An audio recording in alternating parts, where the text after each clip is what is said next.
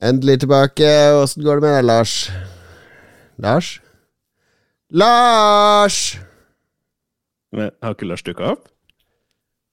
Nei. Nei. Han er jo alltid med. Alltid med. Ikke denne gangen. Nei, det ser ut Skal være han har skrevet her.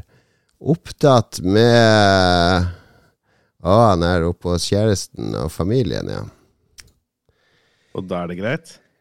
Ja, det er jo ingen andre, det er ingen andre som må forholde seg til familie i hverdagen. Nei, nei, nei. Ok. Nei, ingen i Lulebo-redaksjonen som har noen nærme seg. Ja, ja, men heldigvis så har vi med vår kjære Mats. Mats? Mats! Har ikke Mats kommet heller? Vi ser hva han skriver her. Å, midt i flytting. Driver og pakker og mye styr. Jeg visste ikke at han skulle flytte engang. jeg. Så spennende. Ja, nei, men dette blir som på arbeidsplass. Skrive opp eh, 'ikke dukket opp til avtalt tid'. Unnskyldning denne gangen. Rangere unnskyldningen på. Flytting og familie hva er, det, hva er den dårligste unnskyldninga for ikke å komme på jobb, Filip? Philip? Åh, Nei, jeg vet, jeg vet ikke. Den naturligvis bortforklaringa blir jo bare å være sjuk, holdt jeg på å si. Men det er Ja. mange måter å semi-fake litt sånn vondt i magen, I guess. Er det sånn eh, ta Jeg måtte ta eh, Katten ble dårlig i natt, så jeg måtte ta den med til veterinæren. Er det godkjent unnskyldning? Eh, det, må nesten, det må nesten være innafor. Jeg vet ikke, Det er du som har personalansvar, så dette må jeg nesten du ta med mest stilling til. Men eh, jeg vet ikke at trikken punkterte. Hadde du kjøpt den? Nei, du har trikken krasja utfor vinduet på jobb i dag. Krasja trikken av en buss, så det var masse styr nede utfor domkirka. Så dramatisk. Ja, ja, det kan jo skje. Men uh, det finnes ganske mange unnskyldninger for å komme for sent på jobben. Og så har jeg inntrykk av at ofte så er det bare fordi du ikke sto opp tidlig nok. Ja, jeg hadde faktisk et lite problem det i en jobb jeg hadde kanskje kommet tilbake til, i en, et strømselskap, hvor eh, jeg hadde en tendens til å bare krasje litt med når jeg tok T-banen og overgangen til tog og sånne ting. Og så ble det litt sånn semidårlig stemning, og så innså jeg jeg kan jo bare dra hjemmefra ti minutter tidligere, og så er det ikke et problem. Slipper jeg å leve i gråsonen.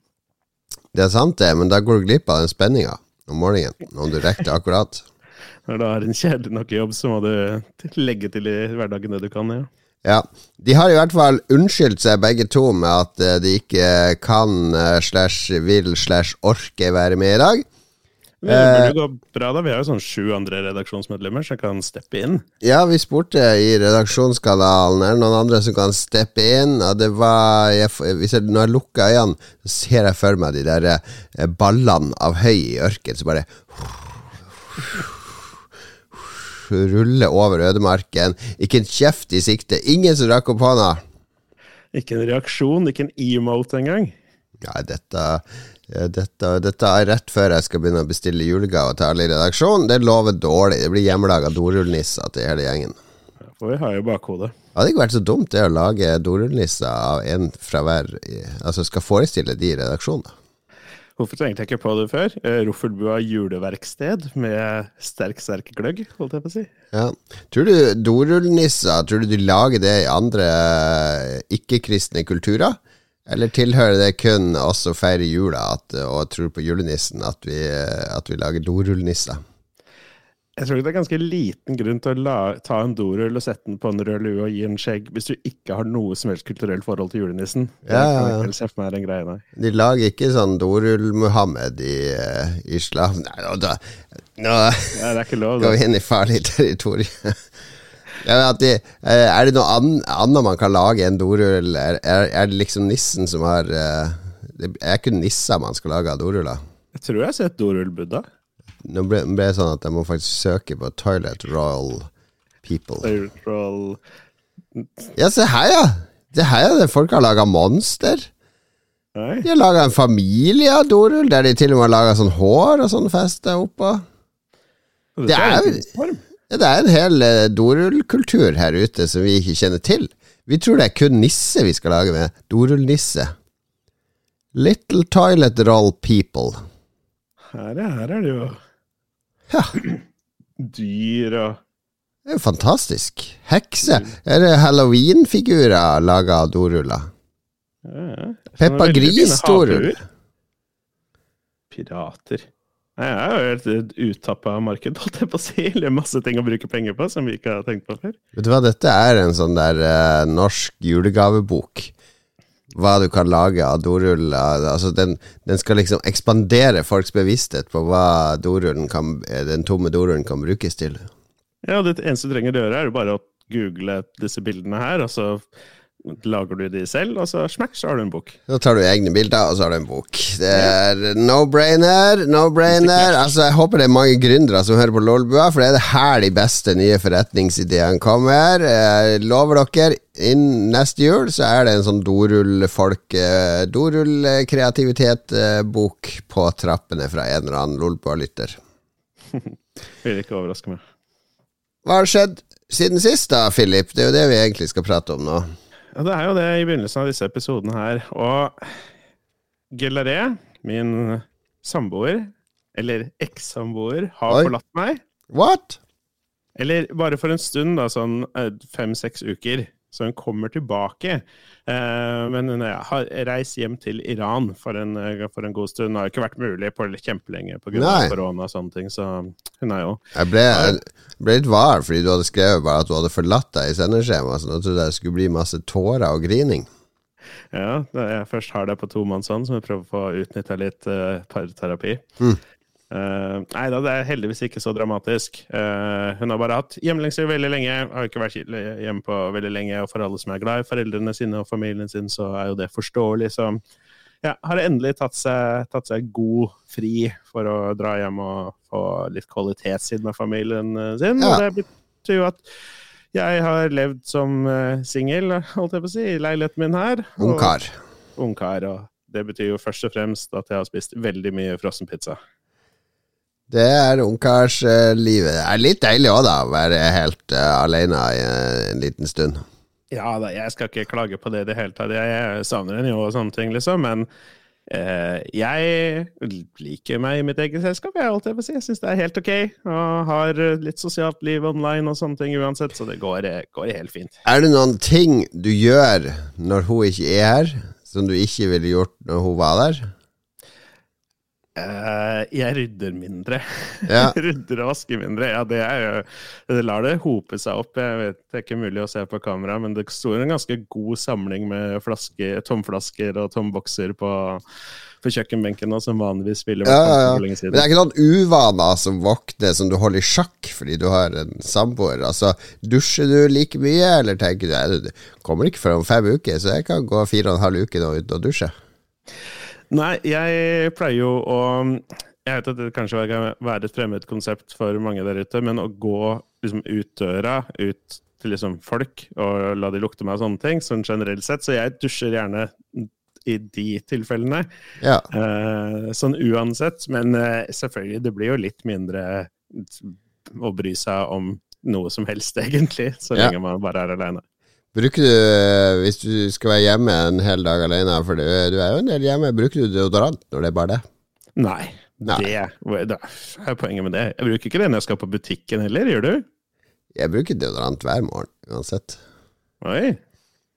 Liker å føle deg fresh i ditt Jeg bruker selskap. deodorant og Old Spice aftershave hver morgen. Wow. ja, men det er ritual. Dekadent, Jon Ja, men det er ritualer, rett og slett, Philip. Ja, ja. Ja, Det må jeg ha for å våkne ordentlig. Men eh, hva slags frossenpizza går det i? Er, det, er du tilhenger av den store doktor Ødger, eller går det i den italienske gangen Grandiosa, eller er det noen andre som melder seg? Jeg, jeg spurte Lico om tips, så fikk jeg mye, mye bra. Um, Lico han har jo aldri spist en Grandis, han kan jo umulig ha noe kunnskap om temaet her. Nei, stakkars, stakkars fyr. Jeg går glipp av mye der. Men jeg, jeg, jeg prøver å variere litt for å ikke gå for lei selv. Selvfølgelig, jeg lager litt mat også, men eh, disse Dr. Ødgerne, de blir for små. For jeg Ja. spiser gjerne litt mer enn det, så det er litt forskjellig Grandiosa her. Og den klassiske Big One er også egentlig en hel, hel fin Ja, det er litt tjukk bunn, syns jeg, den Big Ja. One. Ja. Det er det. det er Mye det. deig. Det er, det er en del deig, men, eh, men ja. Er, eh, du føler deg mett, i hvert fall, når det blir så mye deig. Det er det som er litt av poenget med frossenpizza. Men er du en sånn som bruker å pimpe frossenpizzaen? Altså, ja, skal jeg ha på litt ekstra ost og litt ekstra paprika og litt baconterninger og sånn, eller vil du ha den helt sånn pure? Nei, jeg pimper den veldig sjelden. Jeg har gjort det nå i det siste, men det var mest fordi vi spiste taco rett før hun dro, så jeg har hatt liksom mm. ost liggende, så det har vært veldig lett å bare slenge det på. Men vanligvis ikke utover det. Men, men etter jeg, stekeprosessen, eh, har du oppå noe da? Noe chilisaus eller oregano eller noe? Jon Cato prøver fortvilt å trekke meg opp fra de lavere rangstigene. Nei, jeg prøver Vi fikk så mye kritikk forrige episode, var det en som sa, for da prata vi om sånn pokebowl som eh, ja. en eller annen hadde spist, og så sett bilde av, og så jeg og Mats bare æsj, æsj. Og han bare 'Dere bør bare kutte ut og prate om mat!' Så nå skal jeg vise han at her er det. Vi er kultiverte i matveien òg. Ja, det er stor range. Ja, vi har stor range. Ja, ja, Alt fra pimping av frossenpizza til pokerbowls. Um, jeg, jeg, liker å krydre. Jeg har hatt noe sånn Domino's-krydder som vi kjøpte, som dessverre gått tom nå. Men, uh, du, du vet jo at Christian har 40 eh, bokser med, med Domino's pizzakrydder. Jeg har gitt han stor tommel opp for den uh, avhengigheten der. Vi, får, uh, vi, får, se Hvis de går tomme her i Oslo, så får jeg se om jeg kan ja, kjøpe noen av Christian. Hmm. Han er stor fan, tross alt. Så litt krydder, men ikke noe mer? Nei, jeg prøver å holde meg unna ketsjup, da. Det, det syns jeg blir, blir, litt for ille. Det blir litt vulgært på frossenpizzaen. Jeg hadde en uh, Det er en hån mot, uh, mot uh, stabburet og de andre som har laga pizzaen, og bare ja. dynke ketsjup på den. Hån mot det aller meste, egentlig. Jeg dro til Tyskland i fjor sommer med Gelaria og en venninne til. Jeg husker ikke om jeg mm -hmm. fortalte den historien da, men hun venninna vi hadde med, hun spurte før vi dro om vi trodde at de hadde nok ketsjup i tyske restauranter. Og vi bare sånn Ja, jeg, de har ketsjup i Tyskland, liksom. Tror det går bra. Altså, når vi først, fordi Ellers så ville hun tatt med sin egen. For når vi først kommer ned dit All maten dynket liksom en halv centimeter med ketsjup. Absolutt alt. Herre yes. Tenk hvis hun hører på podkasten her nå før hun seg uttenkt. Jeg er ganske sikker på at hun, at hun, ikke gjør det. Og hvis hun gjør det, så vet hun at jeg har uh, alltid hatt seksuelle dragninger mot henne, så det balanseres ut. Uff, ok. Det, var, det, går an å redde seg en sånn, ja. Det visste jeg ikke. Ja. Min sosiale sirkel. Her skal jeg prøve på jobb.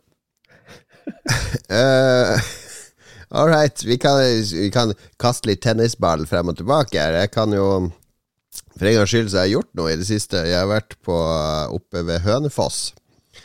Chicken Falls, som det så morsomt heter på engelsk. Uh, Hønefoss. Og der har jeg vært på Klekken konferansehotell fordi det har vært spillkonvent uh, i disse dager. Jeg er ferdig i dag, faktisk.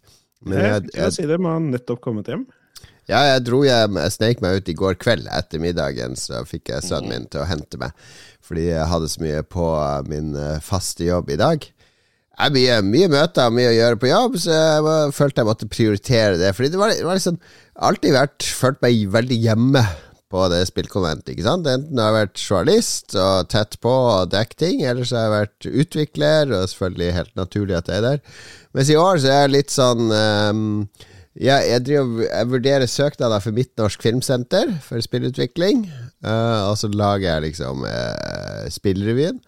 Uh, that's it. Så jeg, jeg følte egentlig at uh, selv om jeg kjenner alle, veldig komfortabel og alle, prater fint med alle, at uh, jeg var ikke sånn 100 til stede. Eller uh, Vanskelig å forklare. Jeg, jeg, var liksom Jeg følte meg litt uh, Lost? Ja, litt som at jeg krasja festen, på et vis. At det var ja. deres fest. At jeg ikke helt burde ta så mye plass som jeg gjør. Jeg skjønner veldig godt hva du mener, nettopp fordi det er nøyaktig samme måte jeg følte meg Eller har følt meg hver gang på NM i Eller de spillprisgreiene og NM i, i spill. ja. Ja. Eh, hver gang jeg har vært der, fordi det er veldig sånn bransjete greie. Og jeg føler ofte at liksom, jeg er velkommen, jeg er der liksom, i liksom, Lolbua og spillegalting og sånne ting. Det har aldri vært noe problem, og det har alltid vært ålreit. Men jeg har alltid liksom liksom, jeg, har ikke nødvendigvis en sånn spesifikk mening eller et mål om å være der. og Det er kanskje det jeg tenker med deg, at liksom, både som spilljournalist og som utvikler seg, så har du en veldig klar idé om hvorfor du er der. Et veldig mm. sånn mål eller noe du kanskje ønsker å utrette, både bevisst og underbevisst. Mm. Mens nå var det litt mer sånn være der for å være der. Og du, det er jo liksom Du rettferdiggjør det jo, og det maker jo sense på en måte. Ja, ja, ja. Jeg var jo der. Jeg hadde jo en keynote som jeg holdt som gikk eh, sånn halvveis bra, og så skulle jeg ha quiz med Magnus eh, på kvelden. Eh, og det, det, gikk helt fint, det, da, men det her har jeg snakka om før. Er jo sånn at hvis jeg er på en jobbreise eller noe sånt, så har jeg møte Siste møte klokka to. Da vil jeg gjerne eh, Først jeg vil gjøre etter det møtet, er bare hive meg i første drosje til flyplassen og reise hjem. Jeg, bare, jeg vet, vi skal jo være til, Det skal være fest på kvelden, og det skal være noe middag og sånn. Det, det, det, det, er greit, det er greit. Men eh, hvis, når jeg er ferdig med alt det formelle, det som jeg er forplikta til å gjøre, så vil jeg alltid hjem. Mm. Ja, da er du i er flink til det du driver med, holdt jeg på å si. For i mange bransjer så er det mye viktig som skjer på disse her eh, etterfestene. Ja da. Så, ja, så det er greit å Ja da, jeg koser meg jo på de òg, da. Men jeg, når jeg var ferdig med den quizen, så tenkte jeg at da Jeg har ikke noe med Altså, nå, nå, jeg har masse oppgaver i morgen, så jeg tenker alltid på det som kommer neste, ikke sant. Nå, nå må jeg konsentrere meg om det. Så, men jeg, jeg savna litt at, uh, at uh, jeg savna litt den der tilhørigheten jeg hadde før. Det var, det var, litt rart å være der, rett og slett. Mm. Men uh, det var veldig hyggelig òg, da. Og så var det veldig gøy å se at de var jo mange flere enn før. Det var jo en økning på nesten 60% i deltakermassen. Så var utvida salen masse, og masse nye fjes folk jeg ikke hadde sett før. Og nye utviklere, og masse kult som skjer i Norge. Var kanskje litt sultefòra også. Det var vel ikke noe i fjor? Det var vel digitalt? Ja, det var ingenting i fjor, så det er jo to ja, år siden sist. Så ja, folk var jo sultefòra. Men spill som kultur. Viktigheten av dataspill og spillkultur har blitt løftet til nye høyder under pandemien. På 20 sekunder. Det var jo den keynoten du hadde, her, sett på nettsida. ja, jeg hadde vel egentlig Egentlig så handla det vel mer om eh, hvordan vi som norsk bransje Eh, bør være flinkere til å identifisere våre styrker, i stedet for å hele tida fokusere på våre svakheter. Det er vi veldig flinke til. Mm. Veldig anti-jantelov deg. Ja, anti-janteloven. Antiloven. Yes. Har du råd? Jeg ser du har på mye lys i bakgrunnen, Filip. Har du råd til det? Det er jo så sinnssykt dyrt med strøm nå. Ja, nå blir det bare verre og verre. Jeg føler hver eneste dag, i hvert fall de siste to-tre, så har det vært uh, ny strømrekord på Jeg leste da hvis du dusjer om morgenen, altså før åtte, koster det 20 kroner. Hvis du dusjer på kveldstid, så er det halvparten. Ja, ja, i hvert fall det med, med på dagtid-biten er, er, veldig sann. Uh, jeg så også en tweet, jeg vet ikke helt hvor sann den var, om at det var billigere å gå ned og kjøpe seg kaffe på Del de Luca enn det det var å koke den hjemme på morgenen eller sånt. Nei, det er true. Nei da, det er nok ikke 50 spenn for å koke en kaffe med kaffe, men uh, det er ganske ille. Det var Deli de Luca som tweeta det, tror jeg. Ja, jeg tipper det det sto bak. Og eh, selvfølgelig samtidig med at den første snøen har lagt seg i Oslo også, så det er jo kjempekombinasjon. Det var bra i dag. Jeg har jo sykla, sykla til jobb i dag i slapset og greier, og det, det, var en våt fornøyelse, for å si det sånn, med fire lag klær og Jeg tenker meg ikke var så altfor gledelig. Uh, I hvert fall så føler jeg at jeg har den strømgreiene litt sånn under kontroll, og det er jo Hvorfor det? Ser mange, jeg, jeg, ser så mye sånn, Dere snakka om det nå i forrige uke, og jeg har vært masse snakk på Discord de siste dagene. Og svaret på hvorfor det er enkelt og greit fordi jeg jobba i et strømselskap en stund. Ja. Uh, og det gjør at jeg eh, Det er ikke sånn kjempemasse kunnskap man trenger, liksom, men jeg bare Jeg føler at det er det mest kryptiske som er, fordi jeg skjønner Kan du ikke bare si hva det koster? Nei da, det er nettleie, det er ditt og datt, og nå er det, nå er det morgen, og nå er det kveld, og nå er det etterspørsel, og nå er det ja, det du På strømregninga di, som akkurat den biten, er bare eh, Nettleie er nå bakt inn i, det, i strømleverandøren din. Sånn var det ikke før. Da fikk du én fra nettleverandøren, ja. det var Hafslund, eller nettleie, og så en fra strømleverandør. Ok, whatever. Hvorfor er ikke nettleia konstant? Uh, for den følger også markedsprisen. Av, Hvorfor? Det, det, er bare sånn det er. Det henger ikke på grep. Hvis jeg leier en leilighet, så er det ikke sånn Ja, denne måneden er det 6000 i husleie. Nei, 8000 denne måneden fordi ditten og datten. Ja, nå går den ned til 7000. Nei, er 9000 denne måneden. Det er jo det er én pris i leie hver måned! Det uh, Jeg har ikke noe godt svar på hvorfor det skal være sånn. Nettopp. Det er ingen som vet. Det er bare, det er bare Man må bare akseptere en eller annen idiotisk Bare ting. Bare akseptere at jo mer strøm de må sende gjennom nettverket sitt, jo dyrere er det å holde i drift. Det maker ikke noe sens, men vi sier det.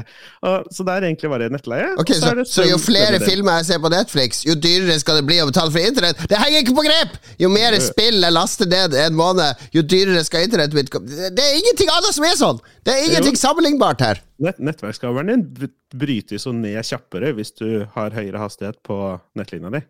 Nettverkskabelen min, Ja, ja, ja. Ethernet-kabelen. brytes den raskere?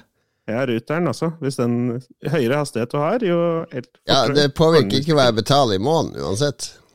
Nei da, det er selvfølgelig tull. Men eh, hvorfor det er sånn, vet ikke. Maker sikkert ikke noe sens. Nei. Men det jeg uansett er ute etter til slutt, det er bare hva som jeg betaler. Ikke sant? Ja, det er det alle er ute etter. Nettleie er 1 kWt per måned, og strømmen er 1 kWt per måned, pluss, pluss, bla, bla, bla. Eh, Så det det egentlig hele går ut på, er å velge en avtale som er bra. Og det var det en stor diskusjon på Red Crew-discorden tror jeg, tidligere i dag, om hvordan velge avtale. Det var så kryptisk og helt umulig å forvente at vanlige folk skal gjøre dette her og sånne ting. Og Helt enig. det kan jeg skjønne veldig godt, og det er den biten som gjør at jeg har et så avslappa forhold til det. Fordi jeg har en god avtale, fordi ja, det er veldig lett for meg å lete fram disse avtalene, og jeg bytter to ganger i året. Ja. Det holder. Jeg har én avtale seks måneder i sommerhalvåret på spotpris, og én avtale seks måneder i vinterhalvåret hvor jeg låser prisen på noe som er litt lavt. Er det det som er hemmeligheten?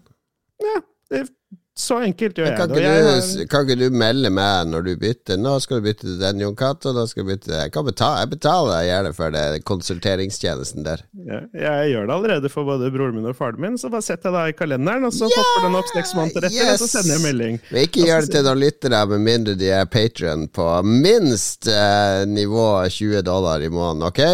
Ja, For, eh, for, ja, for bare, bare 20 dollar i måneden får dere eh, et eh, oppdatert Dette er jo bra Dette er jo bra. Patrion-post til alle. Ja. To ganger i året så kommer Philips strømtips. Nå, Mhm. kjære lytter, nå skal du bytte. Gull!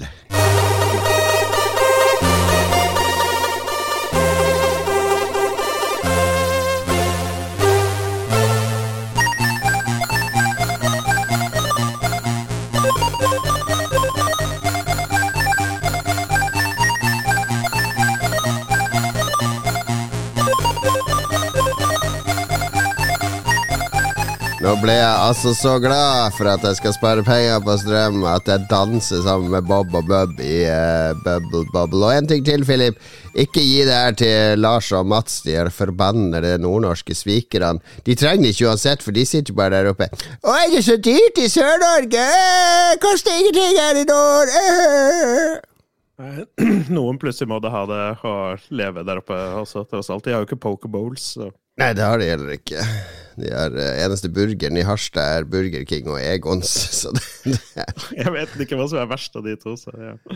Uff, uff, uff, uff, uff. Ok, ok. Spilt siden sist uh, spalte nå. Mm, Du har ganske mye å by på her, så det er meget bra. Jeg har uh, kan ta min først, det er litt kjedelig, for det er bare en fortsettelse fra sist uke. Uh, jeg har spilt mer enn New World, altså dette online-spillet til Amazon.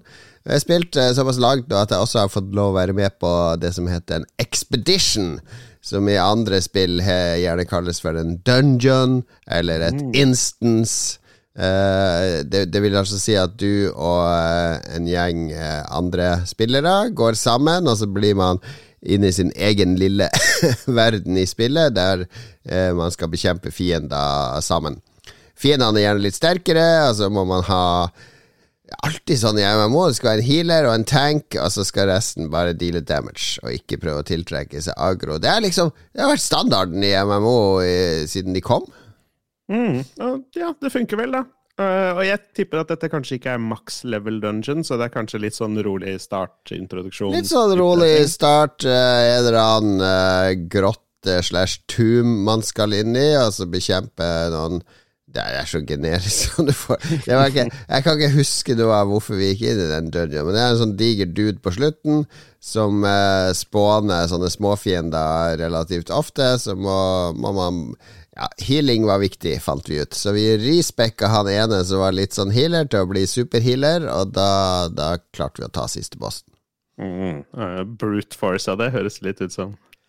Ja, du kan respekke når som helst. Altså, det, det, det, er jo ikke Ja, det er jo ganske enkelt å, å tilpasse seg. Men uh, vi klarte det så vidt, da. Vi var jo bare fire, kan egentlig være fem. Og det er jo Jeg, jeg må si jeg liker kos meg i New World, men det er liksom ingenting Jeg kan, klarer ikke å skjønne helt hvorfor. Fordi det er litt sånn generisk, det er litt sånn kjedelig uh, grafikk. Litt sånn realistisk, og folkene er litt sånn kjedelige med sånn sjørøverdrakter og mm. uh, gammel uh, sånne conquistador-rustninger og sånne ting. Eh, våpnene er litt kjedelige. Alt er litt kjedelig, men jeg spiller det for det. Ja, ja. ja for jeg, jeg, er litt spent på dette her, egentlig, at du skal snakke mer om det. Fordi jeg hadde veldig store forhåpninger til New World. Jeg spilte betaen, syntes det var liksom greit nok og sånne ting, og var egentlig ganske klar for å spille det mye. Men så var det, fikk det litt sånn semidårlig tilbakemelding fra andre jeg spiller med, om at det bare ikke var så spennende, på en måte. Så jeg har egentlig Jeg sitter fortsatt på gjerdet, for å være helt ærlig. og du toucher kanskje litt på det. at det var, når jeg spilte betaen, var det liksom ikke noe som dro meg ordentlig inn. Det var liksom ikke noe som ga meg denne type å, dette er en spennende, eventyrlig verden som jeg har lyst til å utforske, eller noe sånt noe. Jeg, jeg er ekstra glad i fantasy-settingen, ja, da, riktignok, men uh, ja. det er litt ja, generisk, eller ja. Ja, verden er grei, og all den crafting av alt som er i den verden som man kan drive og samle og sånn, det, det, er gøy, men uh, jeg vet ikke, akkurat nå så føler jeg meg lite Jeg føler at når jeg har tatt den instansen her, jeg er level 25 Jeg vet ikke helt hva som skal drive meg opp til level 60, for nå vet jeg loopen. Nå skal jeg jo bare gjøre masse mission, litt PVP, og så skal jeg ta en ny instance på level 35, og så er det en ny på 45, og så kommer det opp til 60, og så er det et eller annet endgame. Jeg vet ikke hva jeg orker. Ja, ja, ja, du har jo jeg har gjort steg én av ja, fire til Jeg har kommet til endgame, og så bare repetere. Ja, nei, det er et godt, uh, godt spørsmål. Ja, er det, hvordan ble det til med Lolbua-folk, egentlig? Ble det en liten gjeng som ja, vi, kom, vi var så tidlig ute, så vi, mm, serveren ble jo overfylt med en gang. Så nå er det litt sånn spredd over alle vinder. Ragequit er på én server, og, og, så er det noen Harstad-folk som jeg spiller med på én server. Mm, riktig. Ja, for det er jo gjerne det aspektet i MMO som gjør at eh, man drives videre, hvis man har en liten klikk å spille med. Eh, mm. Ja. Ja, ja. Jeg har ikke så mye mer å si om New World. Det blir ikke New World jeg snakker om neste gang, i hvert fall. Det kan jeg love. Vi får se. Jeg, jeg litt, det all den craftinga som jeg ser folk skrive om og sånne ting, er det bare er det, er, så, sånn som i World of Warcraft, det er bare det man gjør på siden av resten av spillet for å kunne lage noe morsomme greier, eller kanskje noe nytt gear, eller noe sånt, men her så virker det som det er et mye sånn et mye større aspekt av gameplay, at du skal kunne hogge ned alt mulig og liksom Ja, det er veldig men, sentralt, for du må jo Gir det XP, liksom? Ja, du går opp i skill i alt mulig. I forskjellige typer crafting og sånn. Ja, men leveler du karakteren din ved å gjøre det? Uh, nei, ikke karakteren, tror jeg, men uh, bare de skillene. Ja, riktig. Ja, nei, fordi at jeg, jeg, ser så mange som snakker om at det er så gøy å holde på med, men hvis jeg hadde spilt det, så hadde jeg antakeligvis ikke lagt noe tid i det i det hele tatt. Jeg hadde bare lyst til å gear opp og levele opp og liksom Ja, men du må jo også um, Du kan lage utstyr du bruker, ikke sant. Så jeg må jo lage mm. ammo, for eksempel, må jeg gjøre. Altså masse mission der du må crafte ting ah, eh, og levere. Så at du må kunne noe av det. Og så er det jo Altså, hele spillet var jo opprinnelig designa som et PVP-spill. Det skulle være kun PVP, og det skulle ikke være noe sånn PVE-story. Det skulle være du er medlem av et company og prøver å kontrollere områder. Mm.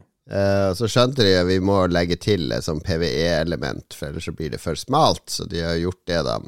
Men kjernen av spillet, den, den får jo ikke vi smakt på så mye. Det er jo hvis man er i et company med 50 stykk, så kan man uh, gå inn i en annen sitt område det er, der er liksom en by og et fort og en masse villmark, og så har du på PVP, og så tar du sånne PVP-oppdrag i det området. Hvis du tar mm. PVP-oppdrag i det området, så blir det ustabilt, og så blir det ustabilt nok, så får du lov å invadere. Altså Når du kontrollerer det området, så tror jeg det er sånn tidsvindu. når du kan bli invadert. Så du ser noen andre driver og bygger innflytelse. Og herregud, nå driver de Marauders og driver og bygger innflytelse, så alle sammen ut, ut og se om du finner Marauders i området som er på PVP-oppdrag, og drep de. Mm. Så man har liksom sjansen til å stagge den influensbygginga, men hvis den blir stor nok, så blir det en invasion, og da blir det en krig. Og den er i sånn timeslot, så det kommer ikke sånn at du blir ringt midt på natta. 'Philip, Philip, du må komme Ja, det det! Men det er sånn du kan se der Ok, jeg ser i morgen I morgen kveld fra 21 til 22 Så er det krig faktisk Ja. Så du kan planlegge litt rundt det Jeg var litt redd for at det bare var opp til hvem som hadde hvor mange online, hvor mange timer i døgnet. Nei, nei, men man må jo Det krever jo litt dedikasjon Men det er liksom Ja, strukturert Sånn at det er forutsigbart Mm. Akkurat det er litt gøy Når jeg ser på streamere Som spiller de, de spiller jo mye på det greiene der Og det ser litt gøy ut Men er det noe du kan gjøre på ditt level nå, eller må du opp i maks level for det? Jeg kan gjøre det på mitt level også Du må bare finne deg et company, holdt jeg på å si. Ja, og så skal du gå PV PVP, så bør du være en liten gruppe på fire-fem. Fordi da, da, da kan du ganke sånne andre solospillere, mens eh, Mens eh, folk gjerne ikke tør å angripe det. Mm, best of both worlds. Mm. Men ja, nok New World. eh, Hva er det du har kost deg med? Jeg har også spilt et MMO. La oss snakke om World of War... Nei da, vi skal ikke snakke om World of Warcraft nå. Øh. Lars Er det noen som spiller World of Warcraft nå? Jeg hører det, er 100 dødt. Nei det er ikke så ille. I hvert fall på retail, som eh, jeg holder eh, lyset mitt tent for, holdt jeg på å si. Det, Classic vet jeg ikke helt hvordan det går med. Nå skal de jo De, de skulle gi ut et par nye expansions i Classic-versjon, og så skulle de relansere flere Classic-servere, så man kunne begynne på nytt igjen, fordi folk på den originale Classic-serverne har nå liksom maksa ut, bla, bla, bla. bla. Jeg, jeg orker ikke bry meg om eh, alt det der, eh, men eh, eh, Lars ga meg en idé her når han anbefalte Wreckfest tilbake for sånn Wreckfest! fire måneder siden, fem måneder siden og sånt, kjempelenge siden. Um, fordi han hadde jo da en, en, en greie med å slenge seg på PlayStation Plus-spill, som var gratis denne Ja. måneden. Eh, og det ga meg en god idé til å gjøre nøyaktig det samme. Så jeg har gjort det nå det siste sånn halve året. Så har jeg liksom notert ned litt til hver gang. Men så har jeg egentlig glemt å snakke om det når jeg har vært med i episoder, så det har lagra seg opp litt. Um, så jeg har ikke lyst til å gå gjennom egentlig så mange av disse her, fordi de fleste av de var ganske dårlige. Um, Breakfast har vært snakka om før. Stranded Deep var en kjempedårlig sånn overlevelsessimulator. Call of Duty Black Ops 4 var et Call of Duty-spill, I guess. WWE2K Battlegrounds er tullete wrestlingspill i tegneseriegreier. Ja. Hunters Arena Legends er det mest sånn selvopptatte, selvhøytidelige spillet jeg har sett på kjempelenge, så likevel scorer sånn to av ti på, på alle terninger. Men til slutt, det var vel i, i september, tror jeg, ja. så kom det endelig et skikkelig bra spill. Som jeg i tillegg ikke har spilt før. Og, og det var Hitman 2. Det eldgamle Hitman 2? Eller Ja. det Eller, nei, det er fra den nye, nye relanseringen. For det kom jo en ny Hitman-trilogi for som begynte på nytt igjen, Ja. om jeg ikke har skjønt helt feil. Uh, så den, den andre av de tre uh, Jeg tror det tredje spillet ble utgitt ikke sånn altfor lenge siden, så det var nok en Ja, litt sånn. Promotional eh, combo. Eh, for de er jo spill som jeg har hørt veldig mange snakke om i veldig mange år, som virker veldig artig. Jeg er jo veldig fan av uh, Splinter Cell-spillene. Jeg syns de er kjempeartige. Mm. Uh, men av en eller annen grunn så har jeg aldri, aldri spilt Hitman. Uh, og det fikk jeg endelig gjort nå, og det er så artig. Du har spilt disse spillene? ja, ja, ja.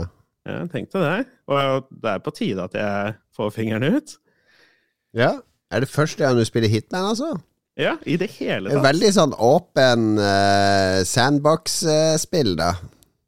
Ja, nøyaktig. Og det, det jeg liksom likte veldig godt med disse Splinter Shell-spillene, at man hadde sånn Å, jeg har mange muligheter. Jeg kan klatre inn her, eller snike meg inn under her, Mm. og sånne ting. Og å ha det, liksom, den fleksibiliteten gjør at man føler seg veldig sånn som en ekte spion. Men i Hitman så er jo det tatt uh, til ganger 100, alt Ja, ja, si, med gigantiske områder og sånne ting. Um, i disse moderne hitspillene så er det jo uh, på hvert ja, For å ta det siste brettet jeg spilte for ikke så lenge siden, så skulle jeg drepe to stykker på, i en spesifikk setting, og de to har tre egne sånn story missions knytta til seg, hvor du kan drepe dem på tre forskjellige måter ved å følge masse forskjellige løse tråder og sånne ting.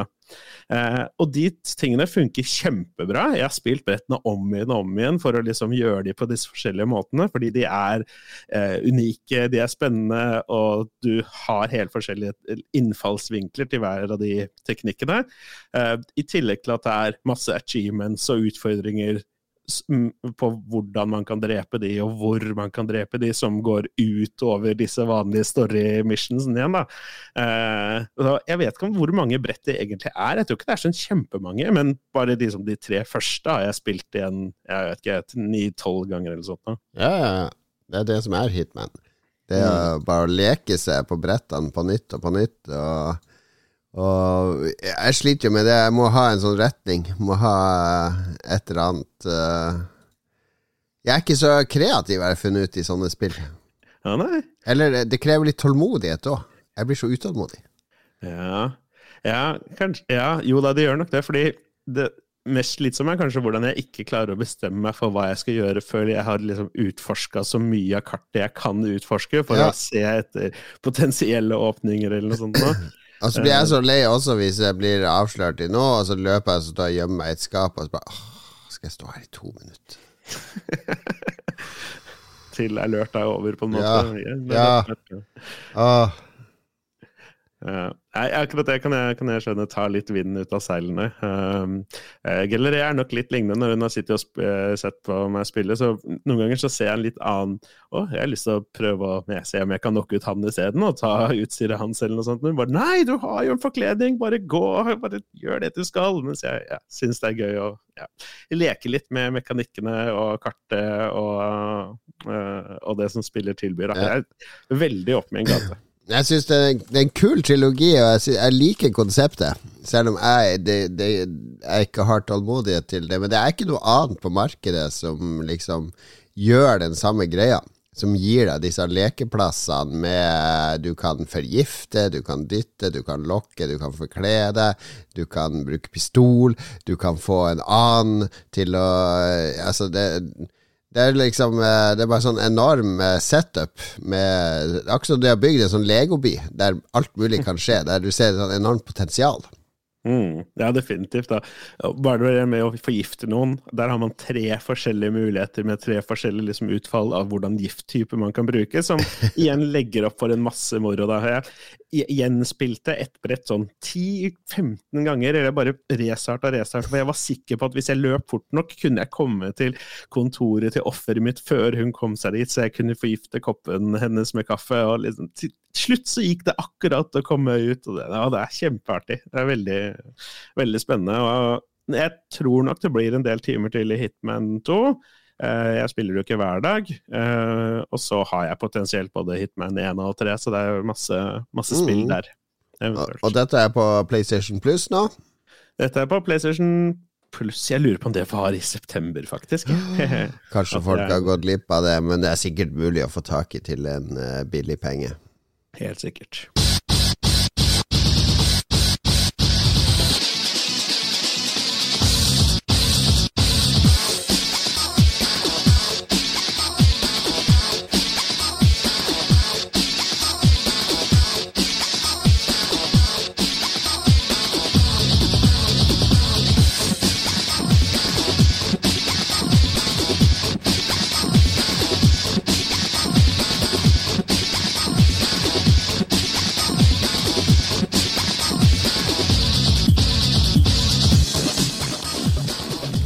Tekken eh, 5 Devil, et eller annet vi hører på nå. Var det en kortfilm, eller er det fra spillet? Det er det fra spillet. Ble ikke laga noen sånn Tekken-kortfilm en gang? Det ble lagd eh, både kort- og langfilmer. Det ble lagd en animert film. Og, Ja. Uh, ja, det var en Tekken spillefilm også, men den er sånn nesten, den er så dårlig.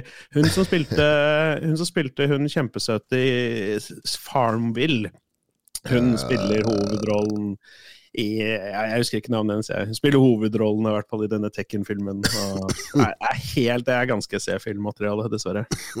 Ja, Beklager det. Hoster fortsatt, men jeg har faen meg vært forkjølt eh, siden korona ble slutt, omtrent. Uh, feier at viruset er på vei ut med å bli litt forkjøla. Ja, nå er det på vei opp i Tromsø, da, så jeg skjønner jo at eh, Lars og Mats vegrer seg for å være med. Ja, jeg skjønner det. Må holde seg, holde seg trygge. Mm. Hvem er din favoritt-Tekken-figur, da?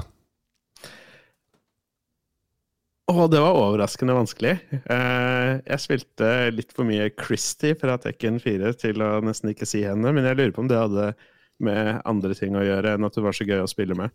Uh, jeg sier Gon fra Tekken 3, den lille dinosauren. Ja, ja, Har du lest Gon-tegneserien? Nei, det er jeg ikke. Å, de er så fine! Det er ingen tekst i de i det hele tatt. Det er bare naturtegninger og Gon som driver og uh, bøller med sånn helt superrealistiske neshorn og elefanter og andre som han banker opp. Det er så bra. Her er et helt, eh, et helt stort, nytt kapittel av Tekken Law som jeg ikke har dykka ned i. Ja, ja, Gone var en manga, anime, som, som Tekken-folka fikk lov å bruke. De fikk lisens til å ha den med. Så han er ikke fra Tekken opprinnelig. Men de har, det er forsmak på anbefalingsspalten. Jeg anbefaler Gon eh, tegneseriene veldig bra. Jeg storkoste meg med å lese de, altså. Ja, det gleder jeg meg til. ja. Er det, så, er det Spørre litt sånn betent spørsmål, men du, du som er uh, adoptert, ikke sant, og har litt sånn annen kultur, ser du uh, Bruker du å se etter representasjonen når du skal spille, eller prøve å finne noe uh... Åh, det er sånn jeg, jeg, beklager at det er litt kleint spørsmål. Nei, nei, nei. Jeg er helt i orden. Jeg. Det er bare hyggelig å snakke om meg selv. Så det er helt i orden. Det, jeg, jeg fikk først umiddelbart så tenkte jeg sånn Nei, jeg gjør jo egentlig ikke det, jeg bryr meg egentlig ikke om det, men jeg gjør det. Mm. I kjempestor grad. Og jeg tenker over det, så jeg har gjort det hele livet. Eh, hvis det var en spillfigur i spillet som var latino, eller hadde et utenlandsk navn, hvis det var Europa et eller annet du si Eddie, Eddie Tekken er på nummer to etter Gon? ja, han er ganske høyt oppe. Han er vel brasiliansk, så det, det er ganske nærme. Ja, det... Eh, Nei, jeg, jeg, har en naturlig tiltrekning mot ting som på en måte er, eh, er latino eller colombiansk. Jeg, jeg, setter alltid pris på det når det er eh, Jeg har alltid satt pris på det når det har vært representert, eh, mm. av forskjellige grunner. Ja, ja, nei, for jeg, er jo hvit privilegert og har aldri tenkt over det, ikke sant? Jeg husker første gang jeg tenkte over akkurat det der, det var når GTA 4 skulle komme. Og Da var jeg redaktør for Game Reactor, og da var det en som skrev i kommentarfeltet at han syntes det var dumt at vi skulle være sånn østeuropeer. For han sleit med å identifisere seg med, med det ville være sånn kul kar, ikke sånn kjip østeuropeer i treningsdrakt. Mm. Det, Jeg måtte jo selvfølgelig slette den kommentaren og gi han en advarsel, men det tenkte jeg herregud, for en idiot. Hvem er det som tenker sånn? Ja, akkurat det er litt sånn semimorsomt. For under hele eh, spill Hva heter det? Spill, Spillgate? Gamergate. Gamergate. Spillgate. Um, så husker jeg Battlefield hadde lansert et nytt spill hvor de hadde en kvinne på mm. og, og, det var sånn der Folk var sånn eh, jeg er mann, og så spiller jeg spill her, og så har du en kvinne på coveret, liksom. Skal, eh, og så var det en enorm greie. Og det er litt sånn det er litt Det er unektelig litt spesielt når det er i de absolutt aller fleste tilfeller av både spill og filmer, så er det liksom hvite menn på coverne. Mm. Uh, og da tar du vel litt for gitt etter hvert, I guess. Ja, ja, ja. Ja. Jeg vet ikke, men jeg, jeg, jeg, skjønner veldig godt hva du mener. Uh, og jeg liksom Jeg husker vi pleide å se skrekkfilmer når jeg var liksom tenåring. Og det var jo alltid bygd på denne tropen om at det var en gjeng tenåringer som var et eller annet sted det var farlig. Og så var det én svart fyr i gjengen, og han døde alltid først. Ingen sant? Sånn pleide det å være, ja. Jeg, identifiserte liksom fordi at det var mer naturlig. Kanskje også fordi at jeg var den eneste mørke i gjengen vår, på en måte. Så mm. jeg var, liksom, var han. Alltid vært han. Så, ja. Ja. Du klarer å kose deg med Agent 47 for det, selv om han er en skalla hvit uh, Han er så hvit så det går an å bli. Han er jo bleikfis, rett og slett. Ja, han er nok ja, Han er nok antageligvis heterofil òg, så han har ikke det gående for seg heller, men Du har lite til felles med Agent 47, eh, Philip. Det er slank, høy, hvit, heterofil eh, mann der. ja. Det er ikke så mange sjekkpunkter igjen, da. All right. Men eh, interessant eh, altså, bare, bare si fra hvis jeg spør eh, over eh, hva du orker og å måtte snakke om. Jeg lover, Jon Cato, hvis den grensa noen gang nærmes. Det er bra, for vi skal jo ha en helt ny spalte, og det er en spalte som vi kun skal løfte fram når det er meg og deg, Philip. For det er kun jeg og deg som har en relasjon til uh, dette. Uh, Lars og uh, det, og, det, og, det, det, er et felles problem vi har. Vi er, vi er i den lukka Discord-kanalen, oss som sliter med for stort underliv. Ja, Du må sende inn bilder for å få tilgang. Ja, med, med approval. vi må Ja, vi skal snakke om spalten Skrøner fra stikka, rett og slett. Og det handler ikke om penis, hvis du trodde det. Det handler om gullstikka, som var den norske Nå må jeg stokke litt på ordene her. Det var det som da definerte seg som den norske spillbransjen eh, sin prisutdeling. Og det var strengt tatt ikke en spillbransje, det var en eh, spilldistributørbransje. Fordi dette handla om at eh, de norske spilldistributørene. Altså det norske kontoret til uh, Activision og det norske kontoret til Nintendo, uh, altså Bergsala. Og det norske kontoret til Electronic Arts De gikk sammen om å ha en norsk prisutdeling der de ga priser til uh, seg sjøl. For yes, vi har gjort det kjempebra med Fifa i år. Hurra for oss som har laget eh, som har laget Grand Theft Auto. Nei, vi har ikke, ikke laga, vi har solgt det i hvert fall. Eller i hvert fall hatt noe med distribuering å gjøre i Norden. Ja, det var en prisutdeling som høsta en del kritikk opp igjennom, for det var en sånn blanding av en sånn bransjefest, og det er helt fint. Bransjer har jo sånn hele tida, der de kårer, kårer eh, bransjepriser og sånn. Det er ofte internt. Men feilen de gjorde med Gullstikka, var at uh, spillet var så stort det var så mye penger, så dette skal vi gjøre til sånn norsk kulturarrangement. Og det, da ble det kollisjon når de skulle ut og vise det på NRK og, TV 2 og, og sånne ting. Mm. At her tar uh, en selger fra Drøbak imot prisen for uh, årets beste spill, som er laga av noen folk i USA som ikke vet at prisen eksisterer engang. Ja, og spesielt når de var, ja, det er Radioresepsjonen som konferansierer? Ja, det var tidlig i år. Tidlig år. Ja, så det ganske tidlig år, riktignok, men da er det litt sånn herre Ok, nå skal vi liksom bryte litt sånn, ja eh, Grensa mellom å være en spillergreie til å nå ut og være litt sånn folkelig semiaktig. Ja, ja, ja, altså, De la masse penger i det. De hadde masse penger, og det kom jo oss til gode, alle bermen rundt uh, oss i spillpressen, som fikk lov å sitte i juryer og bli invitert inn og få gratis drikke. og alle leverandørene var jo der, og kom du deg inn på, på Gullstikka, enten du jobba i butikk, spillbutikk, eller var litt presse eller annen tilhørighet, det var jo en god fest, ofte. Det var en veldig god fest. Det var eh, ganske åpenbar, og det var eh, ganske god stemning.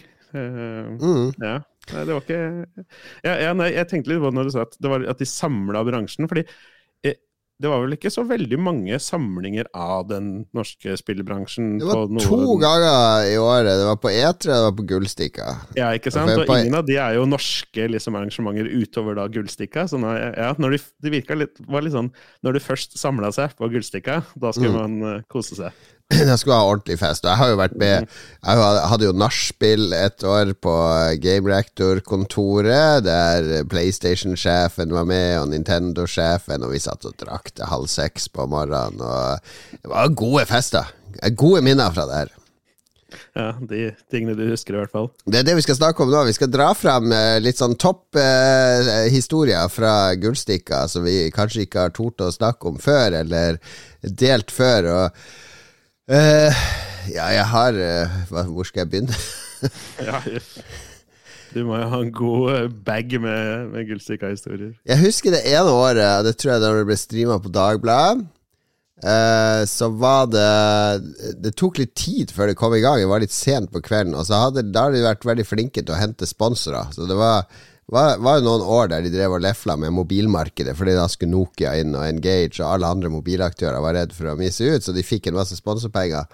Og så fikk noen av de sponsorene dele ut priser òg, og det var ett år Jeg husker ikke hvilket selskap jeg jobba i, men det var en som skulle dele ut pris, en av sponsorene. som var så drita full at han nesten ikke klarte å stå på scenen. Eh, det var Jeg husker han for rundt opp på scenen, så tok han av seg jakka så og svingte den rundt som et sånt flagg over hodet og hadde mikrofonen bare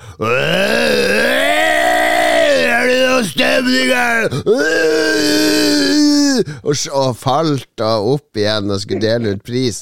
Det var nesten så jeg så etter vet, på tegnefilm så kommer det en sånn lang stang ut med sånn krok på, så kommer det ut, og så bare Den kom aldri, da. Men de fikk han av scenen til slutt. Til slutt, ja. ja. Ja, fordi det er jo eh, Var det en av de årene hvor det var én utdeling på dagen og én utdeling på kvelden? Ja, kanskje det var det, for de splitta det opp av og til, for de prøvde å engasjere De fant jo ut at uh, hvis vi bare deler ut priser til alle disse amerikanske og engelske og japanske spillene som vi har solgt, så, så når vi ikke ut så bredt. Så da lagde de et sånn dagtidsarrangement der de delte ut priser til uh, en pris til et norsk spill, og beste norske community, og beste norske medie og sånne ting, uh, som var på dagtid, som liksom var uh, for, for å ha litt større bredde. Men de var ikke gode nok priser til å ha på scenen. Nei, ikke sant. Litt sånn ja, på siden. Det er ikke noe servering eller noe sånt nå. Det sparte det til de ordentlige prisene. Ja, ja, ja. Men du fikk jo en pris her. Eller du mottok en pris, husker jeg. Ja, og det var på en sånn dagtid dagtid Jeg var oppe i tredje etasje på Rockefeller. ja, helt riktig. Eh, Det var faktisk litt vanskelig å finne også. Eh, Det var eh, eh, På den tida de hadde ja, disse semimerkelige prisene, annet Årets Community, og jeg drev jo dette spillegal.no i veldig mange år. Um, og Årets Community var en pris som ble litt, tatt litt sånn seriøst av de communityene som var litt store. Eh, Battlefield Community Ja, ja. eh, og et par andre som jeg ikke husker helt. Og, eh, av en eller annen grunn så var vi nominert da, et år. Det var ikke jeg, da. grunnen. Grunnen sitter her, Philip. Ja, tilbake meg, ja. ja, fordi uh, Vi kan jo ja, sette den prikken over i-en etter hvert. Eh, Men vi syns jo dette her var ganske artig, da, at vi var nominert. Så ja, jeg kommer jo aldri til å vinne uansett, men det er jo, det er jo gøy. Um, og så fant vi ut Vi måtte jo sende noen dit, for hvorfor ikke? Og jeg bodde jo i Oslo og studerte rett ved, så jeg tenkte jeg tar turen bort, og så skriver jeg en liten tale, bare sånn for sikkerhets skyld, for å prøve å være litt morsom. Um, dukker opp der, det er presse, og det er utdeling. Så kommer denne årets Community-prisen, og de roper opp spillegal.no. Vi er faktisk vunnet. Jeg er selvfølgelig ganske i sjokk. Går opp dit, leser opp den talen som jeg hadde, hadde skrevet ned. Og En bra tale, husker jeg. Den har jeg fortsatt liggende. et Oi, oi, for det må jo rammes inn! ja, den var jeg så fornøyd med, faktisk. At den, eh, den har jeg tatt vare på. Um, med både litt stikk til de andre, samtidig som man rekker ut en hånd og prøver å være litt ydmyk. Eh, for vi synes, jeg, synes, jeg personlig syns det var veldig artig. De andre på Spillegal var sånn Å, gå opp, og så tar du prisen, og så gnikker du den mot iskrittet i skrittet ditt, og så går du av scenen, liksom. Det, den type forslag som kom opp da. Um, men jeg syns det var veldig artig, og eh, vi fikk jo da tilgang på festen tidligere på kvelden. Dette var min første gullstikke. Og da begynte jeg å høre litt rundt med disse jurygutta om hva i all verden som hadde skjedd her. Fordi liksom, ærlig talt, Norges beste spillcommunity da, Jeg vet ikke hvilke brackets man skal sette beste der for å få det til å stemme, men uh, Det man, Ja. Jeg hadde mange gode argumenter her. Ja. For Jon Cato var jo juryformann til og med, tror jeg. Jeg Eh, tror det var Snorre Bryne som var juryformann, men meg og Snorre var tight på denne tida. Vi, eh, vi hadde en litt sånn fanden-i-voldskhet eh, i oss. Litt i opposisjon til det etablerte. Og i den jury vi, satt, vi hadde jo sånne jurymøter på et sånn lokale til et sånt reklamebyrå ute på Skøyen brukte det å være. Så de inviterte alle oss bort dit uh, i 18.00. Noen uker, eller en måned før Gullstikka, egentlig. Nei, noen uker før, var det vel. Og Da kommer vi dit alle sammen, så masse øl og litt mat og pizza og sånn. Masse spill. Uh, og så skal vi inn og diskutere og nominere, da. Eh, og, og vi får med oss spill hjem for å teste, men vi skal liksom Og, så skulle vi komme tilbake. Jeg husker ikke helt hvordan det var, men vi skulle i hvert fall sitte der i et rom og diskutere oss fram til vinnere og sånn. Og da på det community-greia så var jo alle sånn Ja, ja, det er jo no-brainer, det må jo bli battlefield.no. Og så var jeg og Snorre Bryn Vent nå litt, vent nå litt. Og det, vet du hva, det hovedargumentet som alle kjøpte det var at på Etre det året Det hadde jo alle vi for å flydd rundt på etere og skrevet en håndfull saker derifra, og noen nyhetssaker og sånn. Og så hadde, mens vi var der borte, så hadde jo dok, eh, en gjeng på Spillegal Det var det, det første året der etere på en måte breaka den der digitale Mm, eh, liksom spredninga. Fordi alt dukka opp online ganske fort, alle trailere og sånn. Så var det noen på eh, Spillegal som lagde tråder, da. Der de bare eh, samla trailere, samla nyheter, samla info. Som var tusen ganger mer oversiktlig enn det VG og Dagbladet og, og Game Reactor og alle vi som var der borte, klarte å lage. Det var bare sånn superoversiktlig. Det var så oversiktlig at VG, Rune og andre brukte det når de skulle skrive sin sak om eh, pressekonferansen de akkurat hadde vært på. Så lå det allerede en oppsummering på Spillegal, ikke sant? Fordi det, man hadde live laga de trådene. Så vi, vi løfta inn det argumentet. Så sier, de, her, de her kan jo bli Altså Det er mye fjås og tull der, men vi må også anerkjenne at uh, spill er jo ikke bare sånne proffe uh, multiplayer, e-sport, wannabe-folk. Uh, ditt og datt. De her har jo faktisk klart å, å lage et community med en glødende interesse for ting og tang. Og vi, vi argumenterte og argumenterte helt til alle ga seg. Det var ingen som var veldig investert i den prisen. Så bare ja, all right, gi den til Spillegal. Oi, oi, oi. Uh, ja, nei, det er veldig artig. Og det er liksom, mange, sikkert mange som lurer på hvor ille kan dette spillet ha vært, liksom. Men det var veldig mye fjas og tull, og veldig høy terskel for å godta liksom, nye folk. og liksom, Det var, det var ikke sånn kjempekoselig, hjemmekoselig forum, akkurat. Uh, men det hadde veldig mye veldig ressurssterke folk. Uh, Erlend Grefsrud, selvfølgelig, som har blitt spillmaker i senere tid. Fettesten, Trygve selvfølgelig, som eh, Ja, du vet helt sjukt mye, selvfølgelig. Filip Fløgstad, redaksjonsmedlem i Lolbua.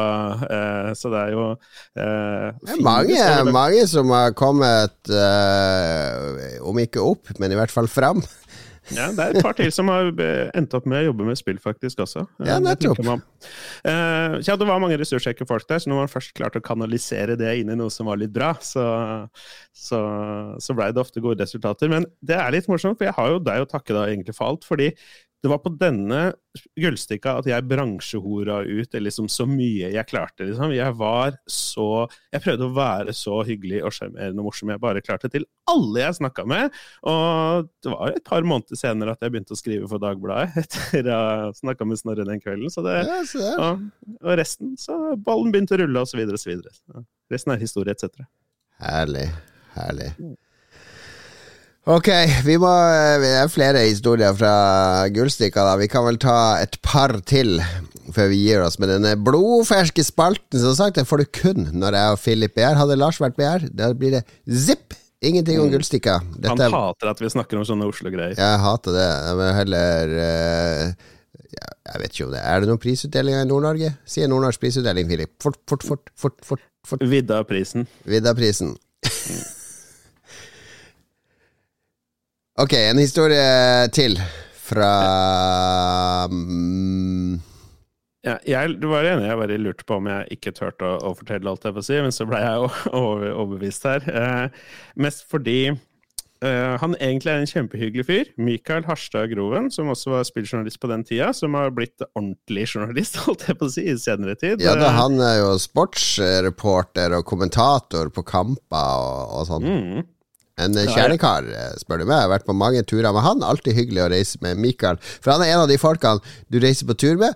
Uh, Sitter sammen med på fly og tog og buss, og så trenger man ikke å snakke om spill.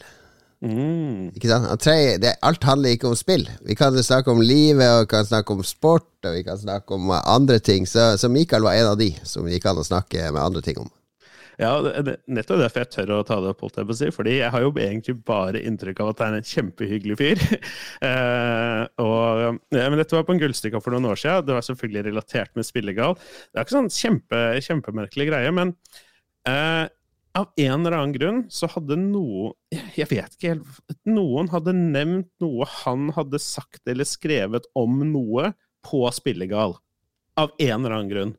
Og på en eller annen måte så hadde han fått med seg det her. Så når jeg og en til, uh, shoutout til Bugs, dukka opp på Gullstikka det året, som jeg tror var på Månefisken, uh, Ja, ja, ja. ja, så uh, møtte vi, jeg møtte de andre spilljournalistene og sånne ting, og det var liksom hyggelig og ålreit. Men han ga meg liksom the evil eye. Altså, Fortsatte det hele kvelden. Jeg syntes det var så ubehagelig. Jeg skjønte ikke hva jeg hadde gjort som var så gærent.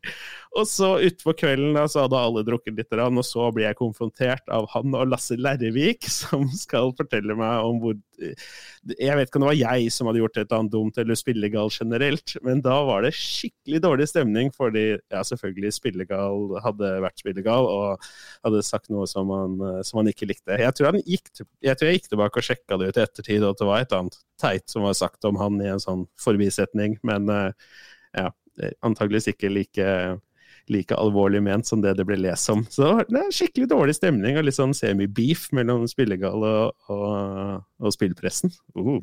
Ja, det er ikke spillpressen, for begge de to var jo gamer.no.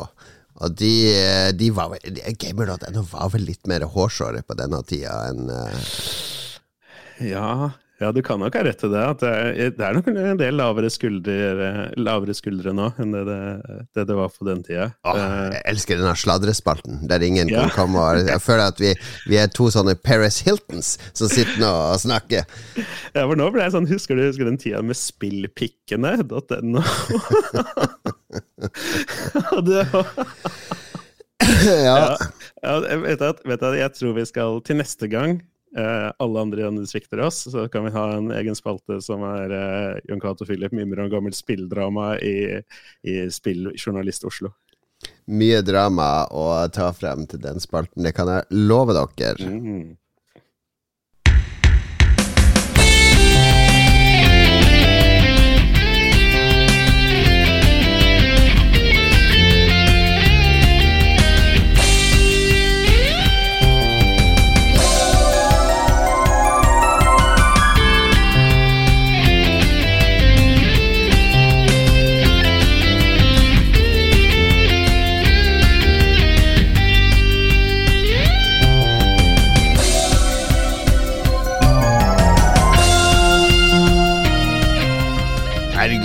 Er det du har valgt for noe, Philip, av musikk her? Jeg tenkte jeg kunne, Du ba meg om å sende deg forslag til hva vi skulle høre på, så da sendte jeg to alvorlige, eh, vanlige forslag. Og så sendte jeg Sabrina the Teenage Switch at Twitch in Time. Du kan ta Philip ut av Spillegal, men du kan ikke ta Spillegal ut av Philip! Det måtte bli noe kødd her! Alltid litt sånn chaotic neutral, i det minste. Ok, hva Sabrina the Teenage Witch på eh, Switch eller et eller annet, eller Vi, eller noe sånt? Ja, det er Twitch in Time fra 2001 på PlayStation 1. Det var helt sikkert et kjempebra spill. PlayStation Sabrina spiller på PlayStation 1. Sikkert en eller annen collector som hører på oss bare Yes, den har jeg shrink-wrapped. Shrink-wrapped Sabrina, Twitch in time. Det er sikkert verdt en del, da. Ja, helt sikkert verdt en del. Det er de der eh, obskure drittspillene, det er de som er verdt mye. Ikke de skikkelig bra spillene som alle spilte.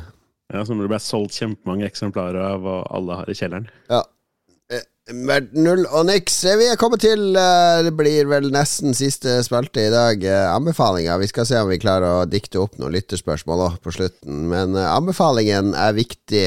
Lars anbefaler å ikke være med i Lolbua. Dropp å være med i episode. Vi kan si Lars anbefaler å være med familien. Ja da, det er en god anbefaling. Det er en god anbefaling Jeg unner jo Lars det, og jeg sa jo til ham at hvis, hvis han ville prioritere det, så var det greit. Uh, fordi jeg har med Philip, og så regner jeg med Mats var med òg, men så Mats bare Flytting, flytting, flytting! Og så ok, da blir det meg og Philip. Og det er koselig det, da, Philip.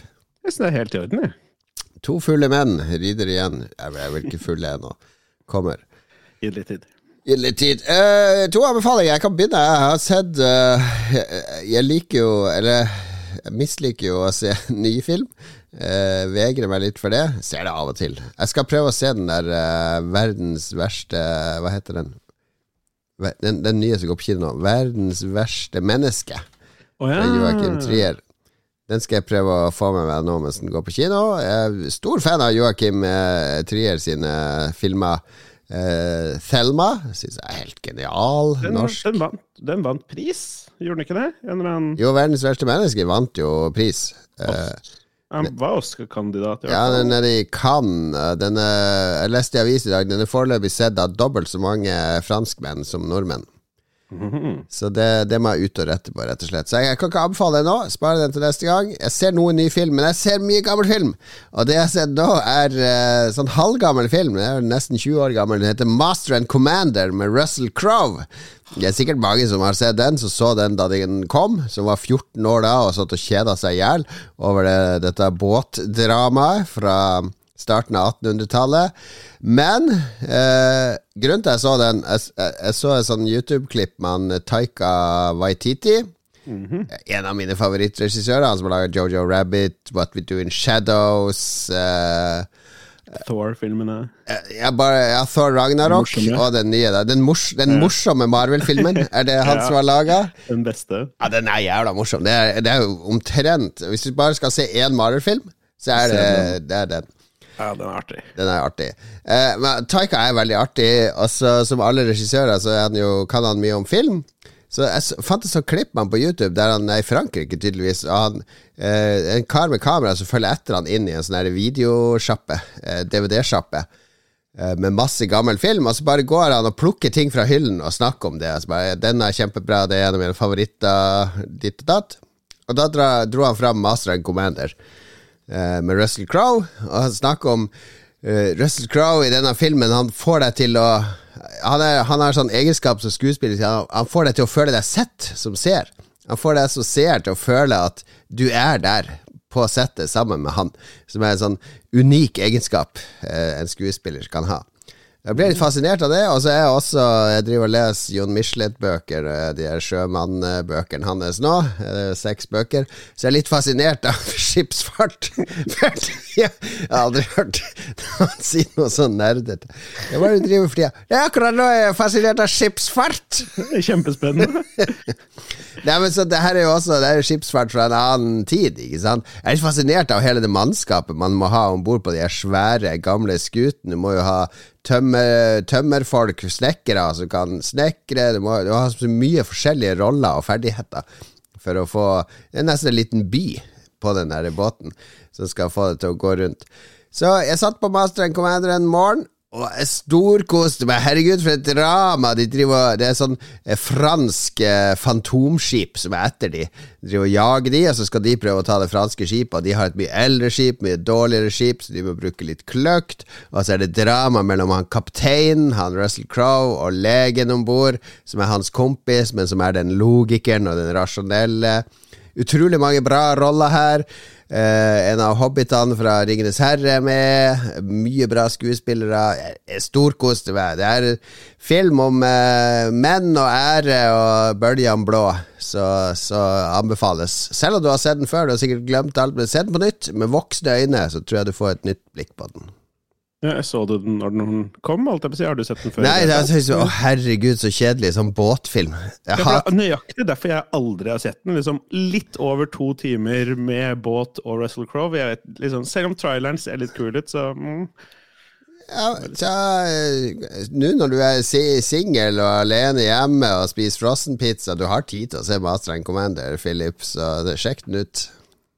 jeg har det. Ja, men kanskje ta en titt på det. Og, eh, nå som jeg har vært så mye alene, så har jeg faktisk sett utrolig mye serier. Jeg har liksom fått sett meg litt opp og, også på, på ting. Uh, jeg så jo det at Squid Game, som er den store snakkisen, fikk jeg endelig sett. Ja, Den har ikke jeg sett ennå. Og du har ikke det, nei? Nei, men jeg er så, nå er jeg så langt etter alle andre, så nå tenker jeg at nå, nå er jeg litt sånn spesiell for at jeg ikke har sett den. Da kan jeg holde på å være litt spesiell en, en stund til. Ja. Pluss at nå er liksom alle de artiklene hvor man diskuterer slutten og sånn, alle de har jo vært ute en stund. Så det er, jeg har ikke lest det. litt seint å komme seg på den bølgen nå, nei. Eh, men én serie som jeg endelig har fått sett, mm -hmm. mest fordi den har vært anbefalt av venner av meg som liker veldig mye det samme som jeg liker, eh, er en serie som heter Ted Lasso. Har du hørt om den? Ja, jeg, jeg har sett uh, nesten hele første sesongen.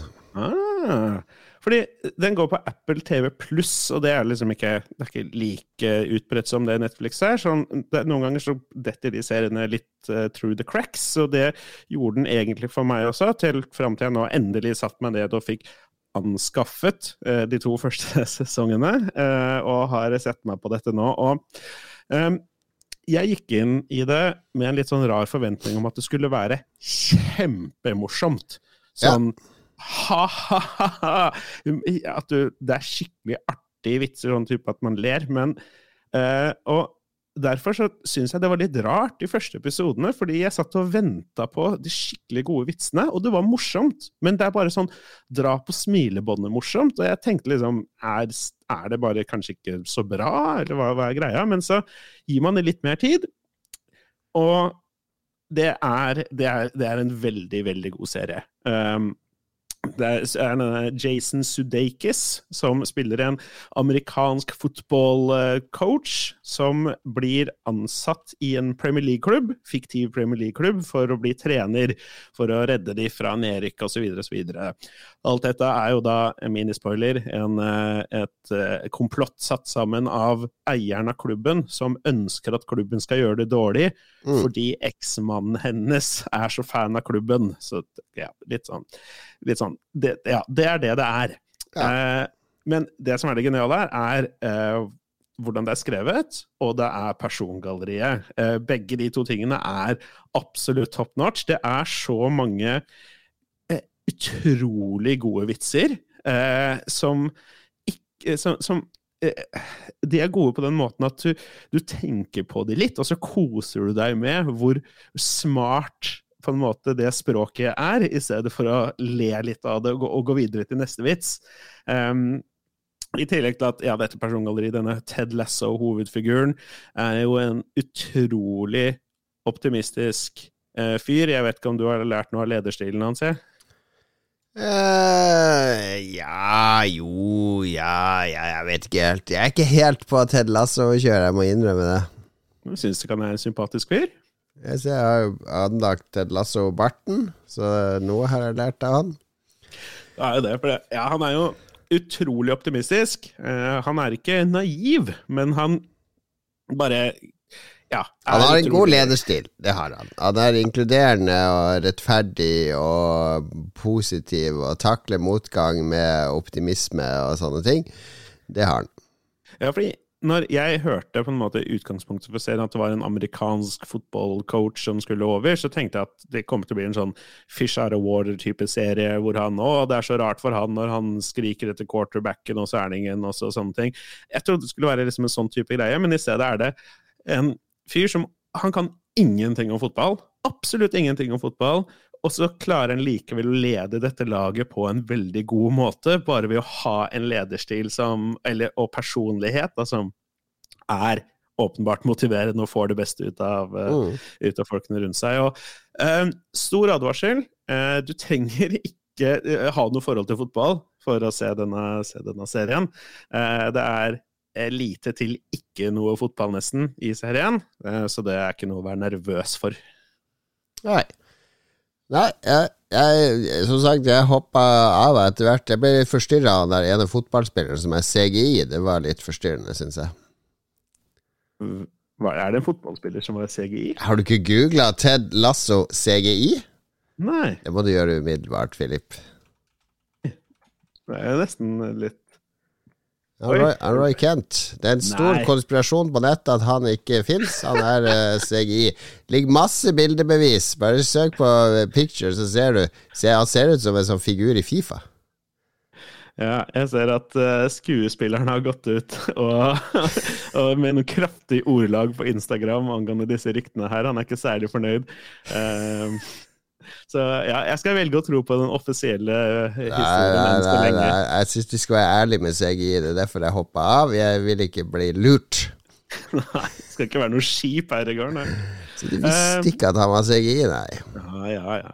Uh, jeg har lyst til å slenge til en, en kjapp sånn anbefaling på slutten, siden vi bare er to. Fordi jeg har lyst til å anbefale en serie som jeg tror Mats kunne anbefalt hvis han hadde vært her. Mm. En Netflix dokumentarserie. Det er ganske Mats, ikke sant? Det er veldig Mats. Det er veldig Mats. I hvert fall hvis det handler om har noe krigstematikk eller biler, sport. Å, her er det det! Og det er i tillegg kriminalitet. Oi, oi, oi. Ikke sant? Eh, det er en, en, dokumentarserie på Netflix med The Bad Sport, som jeg har sett på nå de siste, de siste dagene. Helt ny. 2001. Bad en, Sport. En uh, sesong er ute. Og det tar for seg enkelt og greit eh, dårlig ferdige historier fra sportsverdenen. Og med dårlig og ferdig, så snakker jeg om type korrupsjon, kriminalitet og den type greier. Eh, hver episode er én historie, eh, separate historier, og hver episode er en ny sport. Mm. Eh, jeg har sett de fire første, og den første er eh, korrupsjon av betting fra liksom bookmakere i college basketball. Den andre er Indycar racing i USA. Eh, den tredje er italiensk fotball. Eh, så er det skøyte hva er det heter, kunstløp i den fjerde episoden. Ikke Tony Harding, eh, osv. Så, videre, da. så her er det også sånn veldig noe for, eh, for alle. Ja. Veldig anbefalt. Dokumentar. Bad Sport på Netflix. Veldig spennende for, uh, for uh, voksne. Ja. Uh, skal vi se, nå tror jeg mista Philip her. Må vi gå inn i møtet. Igjen, beklager dette, kjære lytter. Um, der.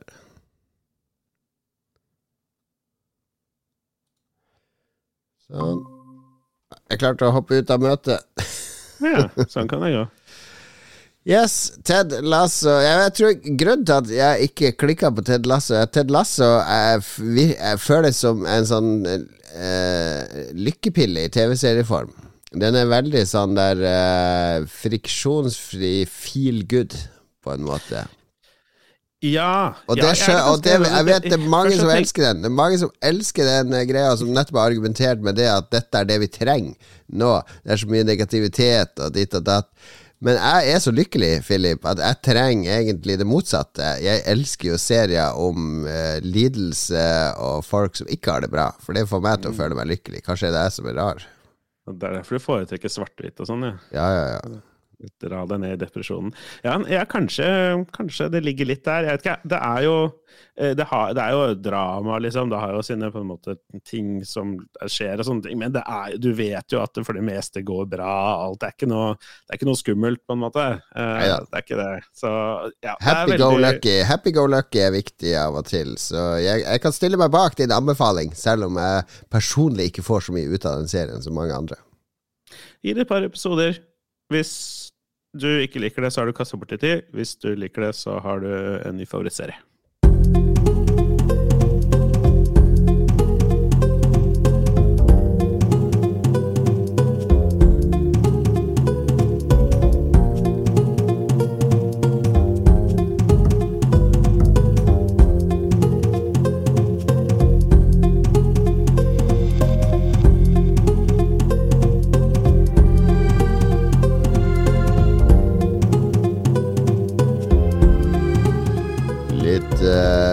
Småskummel musikk her. Det nærmer seg jo halloween, og denne musikken var fra selveste Kingsfield. Fire eh, spillkjennere, og det er jo du som hører på Lolbua, selvfølgelig, vet jo at det er forløperen til eh, Dark Souls-spillene Kingsfield. Det var det From Software lagde i gamle dager. Mm. Spilte du noen gang Kingsfield-spillene, Philip? Nei, det gjorde jeg ikke. Jeg tror de er litt clunky å prøve seg på i dag. Uh, de har mye av det samme Det er litt av det samme atmosfæren og nådeløsheten i de.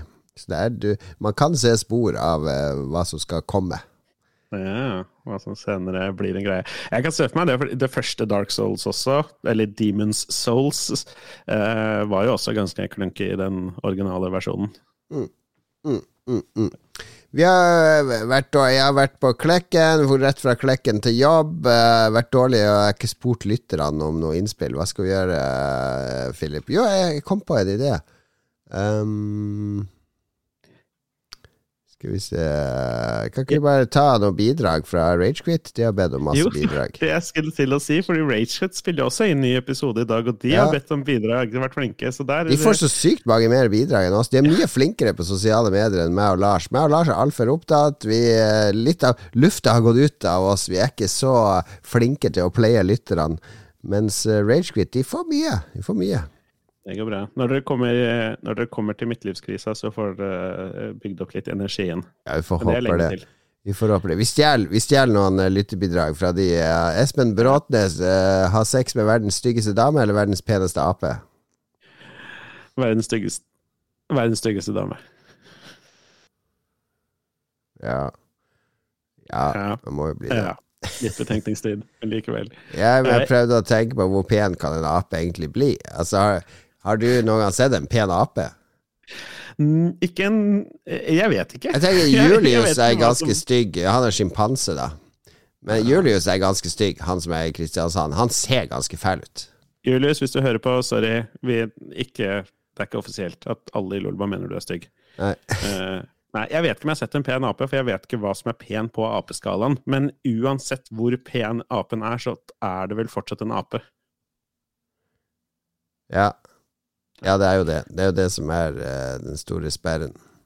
Det blir spennende å høre hva Ståle har svart. Ja, og der ser vi Ja, her er Lars inne og bidrar. Og til og med i dag! Til og med i dag har han vært inne og bidratt. Jeg har sittet først sett melding til meg «Nei, nei, nei, du må prioritere familie. Og så sitter han faen meg og bidrar til Ragequit. Lars, hvilke funksjoner og egenskaper har deres drømmekonsoll? Min drømmekonsoll har den funksjon at hver gang Lars plukker opp håndkontrolleren, så får han 10 000 volt gjennom kroppen! Kroppen sin forbannede sviker. Eh, Bare stille oss, stille oss bak den. En konsoll som lades opp ved å spille inn Lolbo-episoder.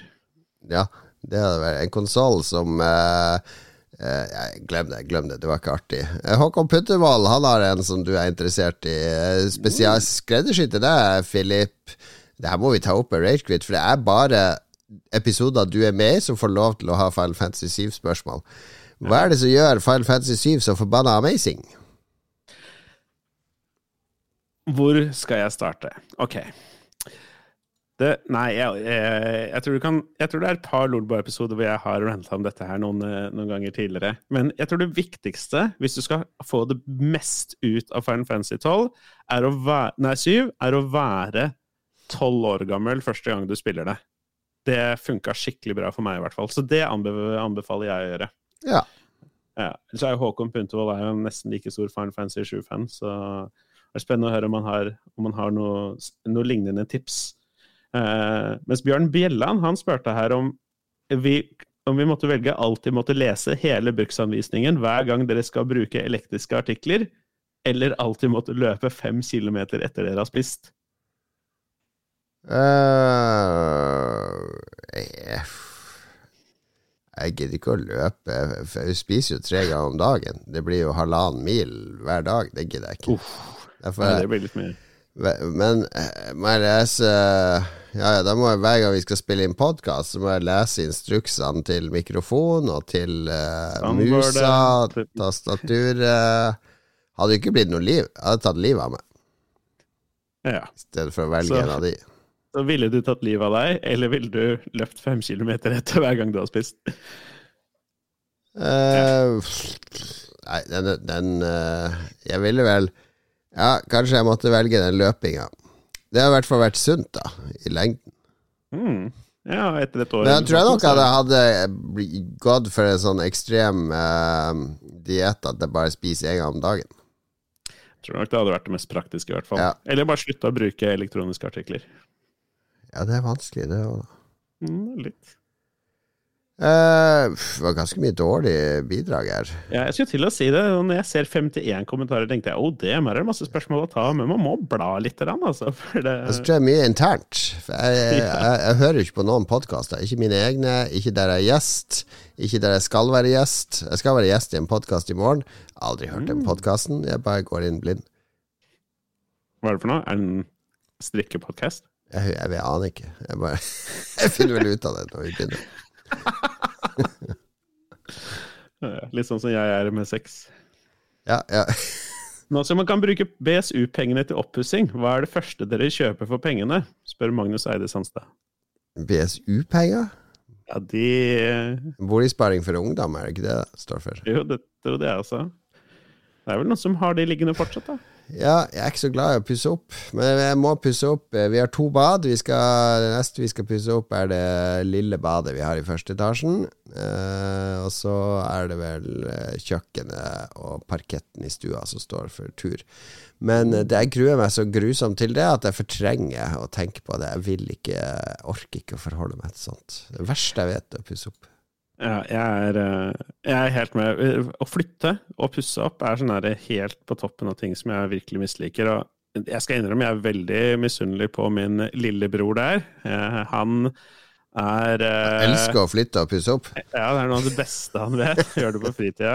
Kanskje ikke flytte, men å pusse opp det er kanskje ikke Han, han, får, han får, til det fint. Han bare OK, jeg kan Ja, en sånn ufyselig fyr som går og plystrer mens han driver og pusser opp og legger parkett og sånn.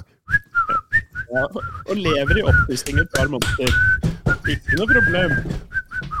Koke litt vann, spis litt nudler, ikke noe problem. Ja, ja, ja. ja hold det på. Han er kjempeflink. Han liksom bare ser for seg hva han vil gjøre, og så får han, han får litt hjelp og sånne ting, men han bare får gjort masse. Han, leir, han ringte fem minutter før vi begynte å ta opp, for å, ringe, for å fortelle at han har solgt leiligheten sin, og han har tjent Han fikk liksom tre mill. mer enn han ga for den for et år siden, liksom, fordi han har liksom pussa opp og gjort denne stua så sjukt fin. Så det er liksom Ja, litt eh, Ja, det er ikke alle som har alt.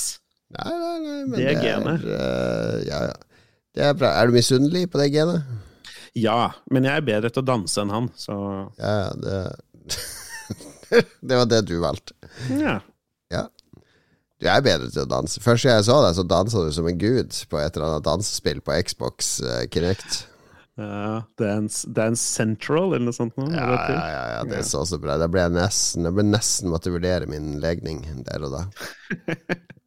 ja, det husker jeg godt. Den fyrige latinoen ute på, foran Dance Central, det var, eh, var sterkt. Den, den, videoen ligger ute på spill.no eh, spill fortsatt, tror jeg. Med intervju av Jon Cato med meg. Ja, ja, det var det første jeg sa da jeg kom der med Alec. Han! Han skal vi intervjue! Det var før metoo der, så det var, skjedde, ikke noe, skjedde ikke noe kriminelt. Husk å få med en brun en også, var det du sa. Det var okay. før metoo. Det var, det var gamle okay, dager. Det var slutt, greit. Slutt. Ikke tillegg meg sånne ting, Filip. Kan jeg ikke ha på min kappe. Vi må takke produsentene, og det må du gjøre. Det kan jeg eh, ta meg av denne gangen. Uh, vi vil gjerne takke våre La oss ta annenhver. Det blir skikkelig sånn proft. For det får aldri Lars til. Så kommer Lars til Vi må, vi må jekke ned Lars litt. Ja, ikke sant. Sånn her kan gjøres, Lars. Stor takk til TTMXMP. Kobrakar84. Duke Jarlsberg. Adebet. Jarle Pedersen. Stian Skjerven. Shant59. Jan Christian Eide. Gøran Helge Nilsen. Og Kraldor Bjørn. Kjempefolk. Og takk til alle dere som bare hører på og ikke bidrar òg. Det er ingen krav å bidra, vi blir glad for det. Og husk at alle bidrag det spres utover på hele Lolbua. Lico får litt, Ragequid får litt, eh, Gjedda uh, får litt. Hvem andre er det vi har her? Ja, med oss i Lolbua så er det vel ja. Så er det vel oss, da. Ja, det er alle oss. Alle oss få litt. Vi, vi, vi, gjør det Vi bruker pengene på å gjøre Lolbua bedre, så vi blir glad for de, for de bidragene vi får. Tusen takk. Og da sier vi rett og slett farvel. Neste gang så håper jeg at uh, Mats ikke skal vaske håret, og Lars uh, har avtalt sykkeltur med en kompis, at jeg kanskje får med en av de OG eh, Lolbua-folka. Hvis ikke, Philip, så regner jeg med du stiller opp igjen. Ja, hvis uh, lytterne orker, orker å høre så mye østlandsk to uker på rad, så uh, er jeg tilbake. Det er sikkert, de, de, er, de, er, så glad i din østlandske latinorøst, Philip, så vi snakkes snart igjen. Ha det bra! Ha det bra!